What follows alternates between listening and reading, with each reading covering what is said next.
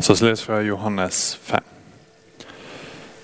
Etter dette kom ei av høgtidene til jødene, og Jesus drog opp til Jerusalem. Ved saueporten i Jerusalem er det en dam som de på hebraisk kaller Betesta. Rundt dammen er det fem bågeganger. Der lå det ei mengd mengd mennesker som var syke, blinde, lamme og uføre. De venta på at vannet skulle komme i rørsle, for en engel fra Herren steg fra tid til annen ned i dammen og rørte opp vannet. Den første som da steg nedi etter at vannet var rørt opp, ble frisk, samme hva sykdom han hadde. Nå var det en mann der som hadde vært syk i 38 år. Jesus så han ligge der og visste at han hadde vært syk lenge, og sa til han, Vil du bli frisk? Herre, svarer den syke, jeg har ingen som kan ta meg ned i dammen når vannet blir rørt opp, og når jeg er på vei, stiger en annen uti før meg. Jesus sier til ham, stå opp, ta båra di og gå. Og straks ble mannen frisk. Han tok båra si og gikk. Men det var sabbat den dagen. Derfor sa jødene til han som hadde vært lekt, det er sabbat, og du har ikke lov å bære båra di. Mannen svarer, han som gjorde meg frisk, sa til meg, ta båra di og gå. Hvem er det mennesket som sa at du skulle ta båra di og gå, spurte de. Eh, men han som hadde blitt frisk, visste ikke hvem det var, for Jesus hadde trukket seg unna. Det var så mye folk der. Senere fant Jesus mannen på tempelplassen og sa til han, Nå har du blitt frisk igjen. Synd ikke mer, så ikke noe verre skal hende deg. Mannen gikk da og fortalte jødene at det var Jesus som hadde gjort ham frisk. Slik lyder det hellige evangeliet.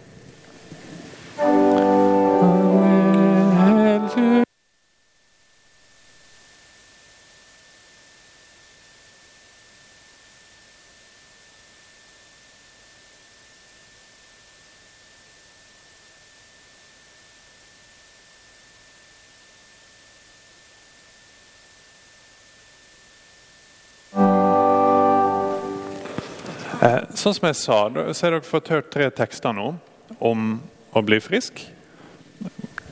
I salmene som eh, Ruben la, så var det snakk om å bli frisk. Og Jakob forteller hva du skal gjøre hvis du er syk, at du skal gå for forbønn og sånn. Og Her er det fortelling om en mann som eh, ligger attmed en dam i Jerusalem. Hvis du ser på vers 3 og 4, så står det at det ligger menget med mennesker der. Syke, blinde, lamme og uføre. Og så er det en liten bit som vi er usikre på om Johannes skrev opprinnelig. Det kan være Noen plasser i Bibelen så ser du hvis du har bibeltekster foran deg, så ser du at det er et lite kryss og så en prikk etter hvert. Så faktisk halve vers 3 og hele vers 4 er, er mest sannsynlig ikke originalt med i det Johannes skrev. Men at noen har skrevet en liten fotnote på sida. Så hvis du ser for deg bibeltekster Jeg skal ikke kjede dere med dette lenge, men hvis noen lurte Så du ser for deg bibeltekster. Så kommer du til den litt rare tingen at han mannen skal ligge ved siden av en dam. Så da kan det være at noen har tatt et lite kryss på sida og skrevet Grunnen til at han lå der, var fordi han venta på at vannet skulle bli rørt opp, at det kom en engel osv. Eh, og så er det med tida kommet inn i selve teksten. Som sagt, Jeg skal ikke kjede dere lenge med det. Men en ting som er ganske spennende, da, er at det er veldig lett å oppdage. Og så er det masse gamle bibeltekstdokument der vi bare kan gå tilbake og se at her er det noe som mangler i de fleste. Og det er lett å se at noen kan følt behov for å legge det til som en forklaring. Altså kan det hende at vers 4 er der mer som en bibelkommentar. på en måte. Men vers 4 er ganske interessant, for det forklarer hva mannen tenker. Han tenker at hvis jeg får hoppe ned i dette vannet først, så kommer jeg til å bli frisk. Og han snakker om det senere også. For vannet blir rørt opp på en eller annen måte. Så han tenker at det er en engel som kommer, og at førstemann i vannet blir friske. Så Så det er mange forslag til hva det er som skjer her. Kanskje er det en eh, dam som har sine kilder, så det renner inn en elv eller et eller annet sånt. Og så innimellom eh, så er det andre kilder som tilfører vann. Så kanskje vannet blir rødt plutselig. At det kommer masse mineraler i det. Og sånn. Og så tenker de oi, eh, førstemann uti. Og så er det kanskje en som er førstemann uti, og kanskje en ble frisk en gang. Hva, hva vet oss? Iallfall, det viktige for fortellinga er at Jesus kommer opp til det området her.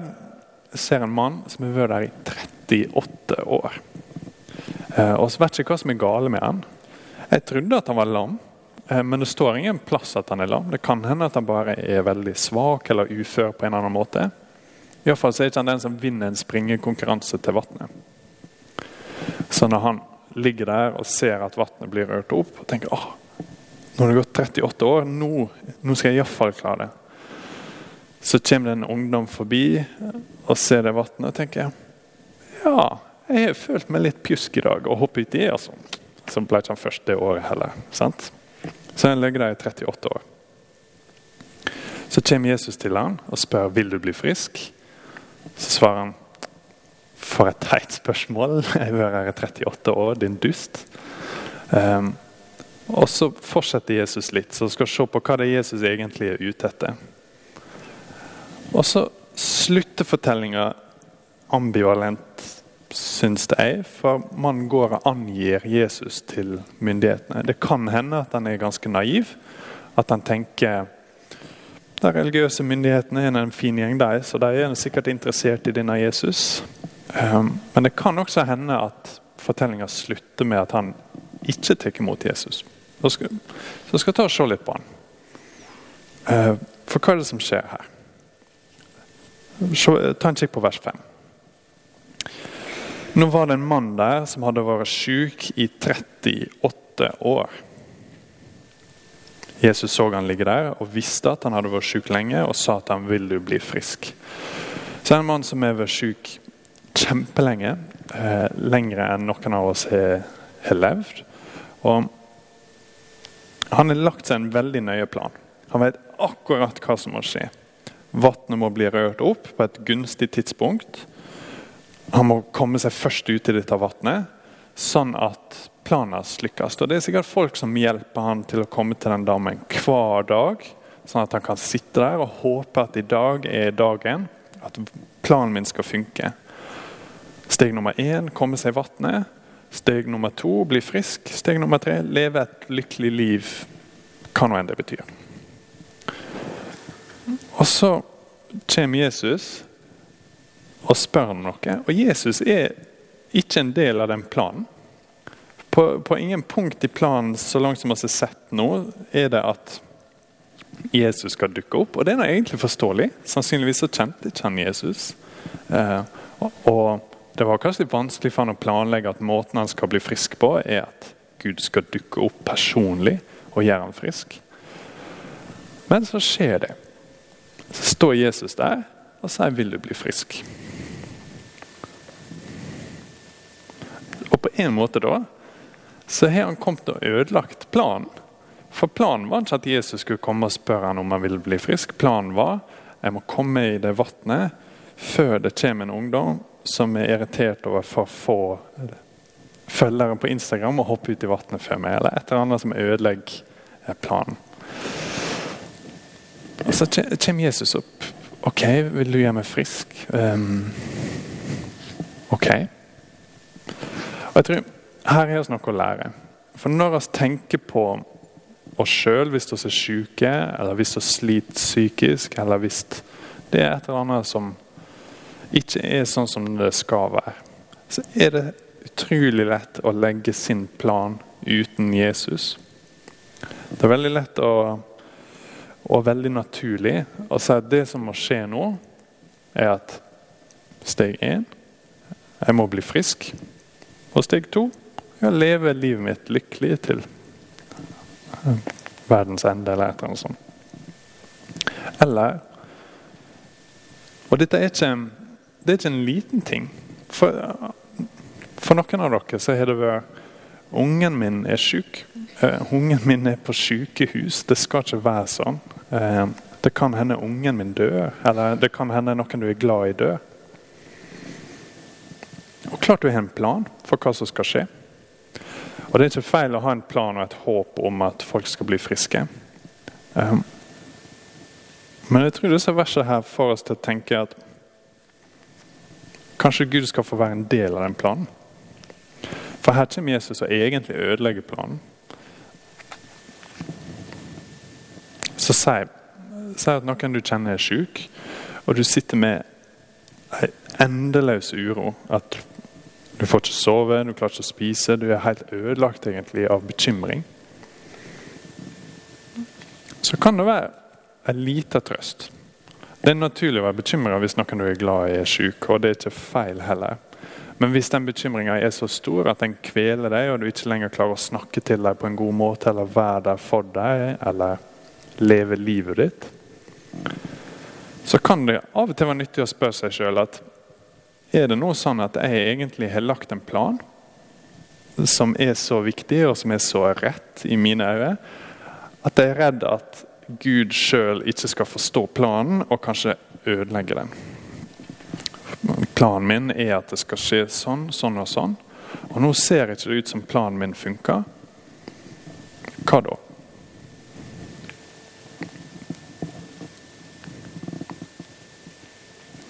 Og så dukker Jesus opp med en plan. Så denne fortellinga er noe egentlig positiv.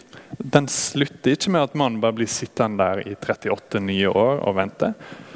Det skjer noe. ikke sant? Jesus kommer, og så spør han vil du bli frisk. Eh, så Jesus kommer i vers 6 med sin plan. Så får han et litt sånn sukkende svar, virker det som for meg, hvis du ser på vers 7. Her er svaret den syke. Jeg kan forklare deg en gang til. Jeg har ingen som kan ta meg i dammen når vannet blir rørt opp, og når jeg er på vei, så stiger en annen uti før meg. Og så sier Jesus, som svar på hans plan, stå opp, ta båra di og gå. Masse enklere plan, egentlig. Masse kortere løsning. Bare stå opp, ta bare det og gå. Og Da har han gått alle stegene, egentlig, nesten iallfall, i hans plan. Plutselig er han frisk. Så du kunne tenkt at oi, nå, nå er alt skjedd. Men seinere kommer Jesus tilbake og snakker litt mer med ham. Eh, hvis du ser på vers 14. Nå har du blitt frisk igjen. Synd ikke mer, så ikke noe verre skal hende deg. Så Jesus har en tanke om at det er litt mer på gang for denne mannen. Han var egentlig ikke bare et offer som satt med en dam, og som alle syntes synd på, og som syntes synd på seg sjøl. Faktisk var han også en synder. Så å bli frisk var ikke nok. Det var ikke nok at han skulle kunne gå igjen eller se igjen, eller hva det er som, som er sitt spesifikke problem. Kanskje er det litt nyttig at vi ikke vet akkurat hva det var. Lettere å forholde seg til for vår del. Men når han blir helbredet for det, så er ikke han ferdig. For han har en sykdom som går litt dypere. Så Jesus spør ham vil du bli frisk. Så er det en rekke mulige svar på det. ikke sant? Det første er kanskje det vi ser her. At vil du bli frisk? Klart det. Hvem er det som spør om det når du ligger der i 38 år og jobber jobber, jobber for å bli frisk? Klart du vil bli frisk. Men ha sitt håp om å bli frisk var egentlig ikke stort nok. For om han nå kan gå igjen, eller se igjen, eller jobbe igjen, eller sånn, så er det ingen av de tingene som gir oss et evig håp og et evig liv og evig sunnhet i hjertet. Så forholdet til Gud er ikke nødvendigvis på plass fordi han kan gå. Selv om å gå er en fantastisk viktig ting, og det er kjempe Stort så tenker Jesus i nesten alle fortellingene som vi leser der han møter noen, så tenker han større enn deg og ser lenger enn deg. Ok, Men et annet alternativ er at Jesus kommer og spør vil du bli frisk. Og Det gjelder kanskje noen av oss.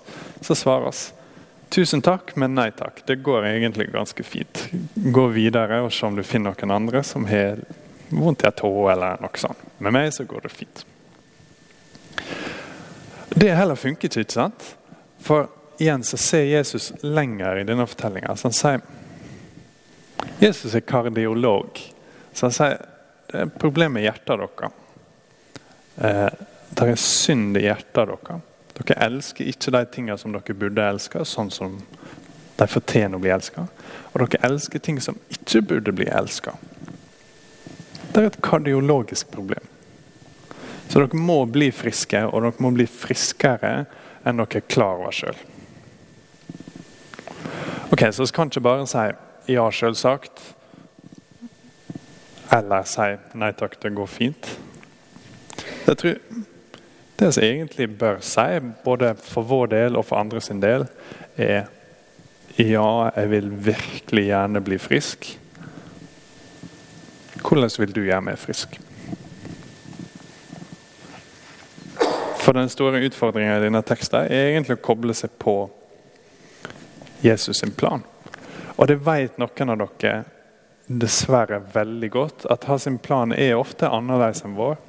Det er ingen løfte i Bibelen om at oss i dette livet blir helt fri for plage, om det er psykisk eller fysisk eller på andre måter. Men av og til så skjer det at oss blir fri for dem. Av og til så får vi et glimt av Guds plan. At han skal skape alt på nytt. Det skal komme en ny, ny jord og en ny himmel der det er uten sykdom, uten død, uten sorg. Eh, og Av og til så bryter det litt gjennom at faktisk noen av oss kjenner blir plutselig friske. Eh, at vi ber for noen, og så får de et håp som de hadde mista.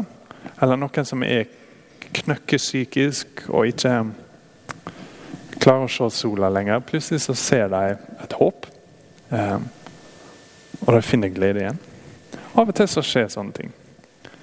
Men det er ikke garantert at de skjer.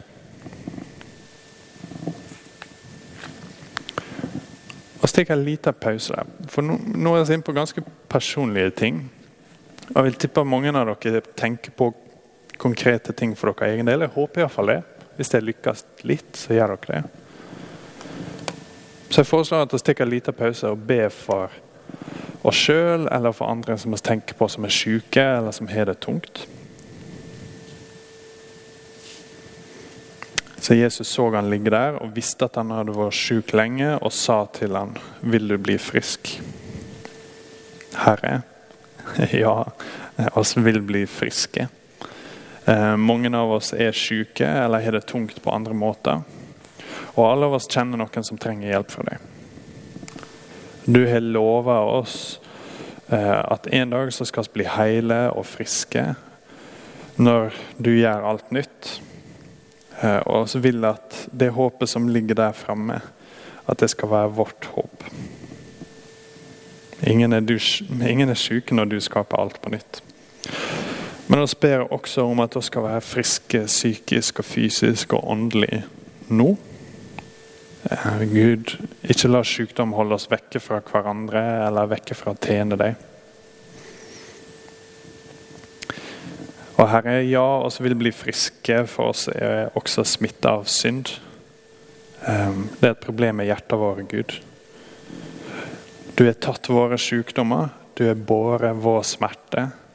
Og straffa lå på deg, sånn at oss fikk fred.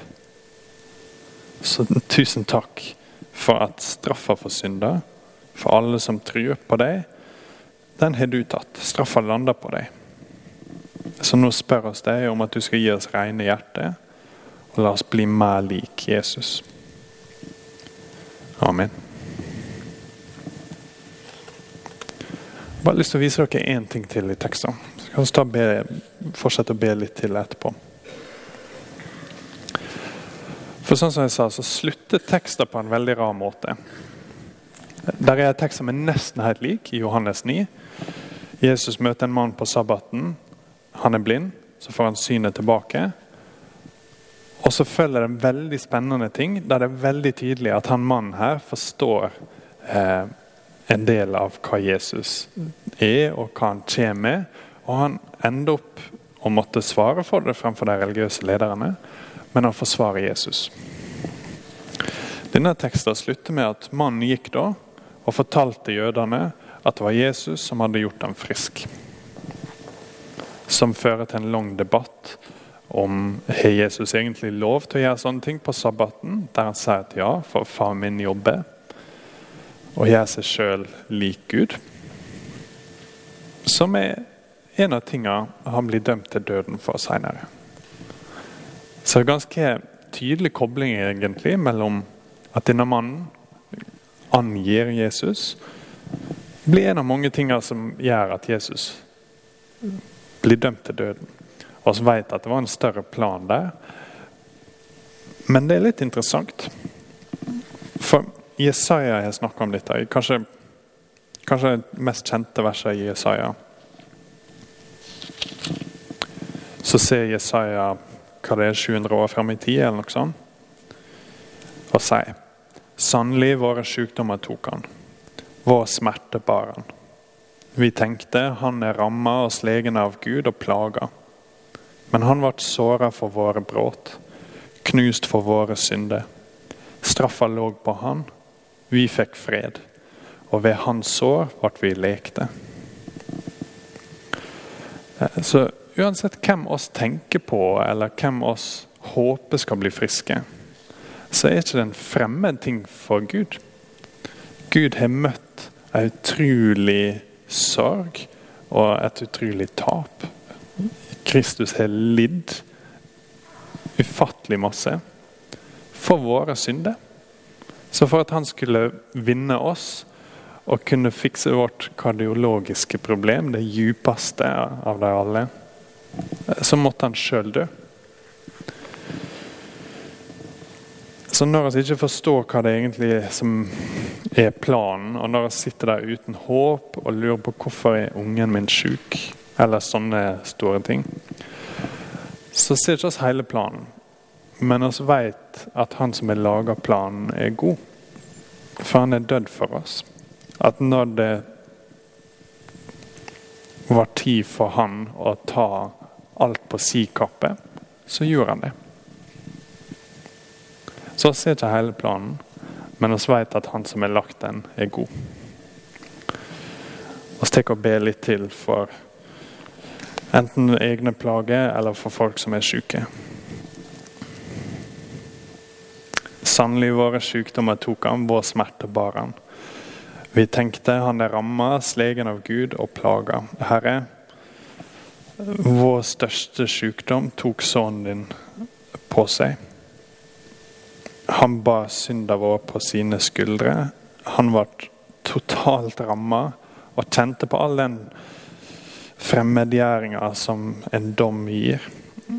Han sto der alene, og han døde. Takk. For i det at han døde, så ga du liv til oss, og du gir oss nåde. Eh, far, når den store sykdommen er sona, så ber oss også om at mindre sykdommer, fysiske eller psykiske plager, at de skal gå vekk. Far, oss forventer ikke et liv i komfort og i luksus. Det er ikke det å snakke om. Men om oss er for syke, så dør oss. Om venner og familie er for syke, så dør de. Og Gud oss har ingen krav på at du skal ta vekk alt det vonde nå. Men oss ber virkelig om det. Eh, for far, det er din medfølelse oss kjenner når vi ser en venn som er syk, eller et barn som ikke er det bra. Eh, far, det er din sorg som oss føler når noen får en vond og brå død. Så far, helbred de som er syke mellom oss. Gi oss helse til å kunne leve til de ære og til å tjene nesten vår. Og når oss lider, far, når oss har det tungt og vanskelig, så vet vi at du ikke har forlatt oss. For Jesus ble ramma i stedet for oss. Og vi står framfor deg i Han og tar imot din kjærlighet. Dette ber oss i Jesu navn. Amen.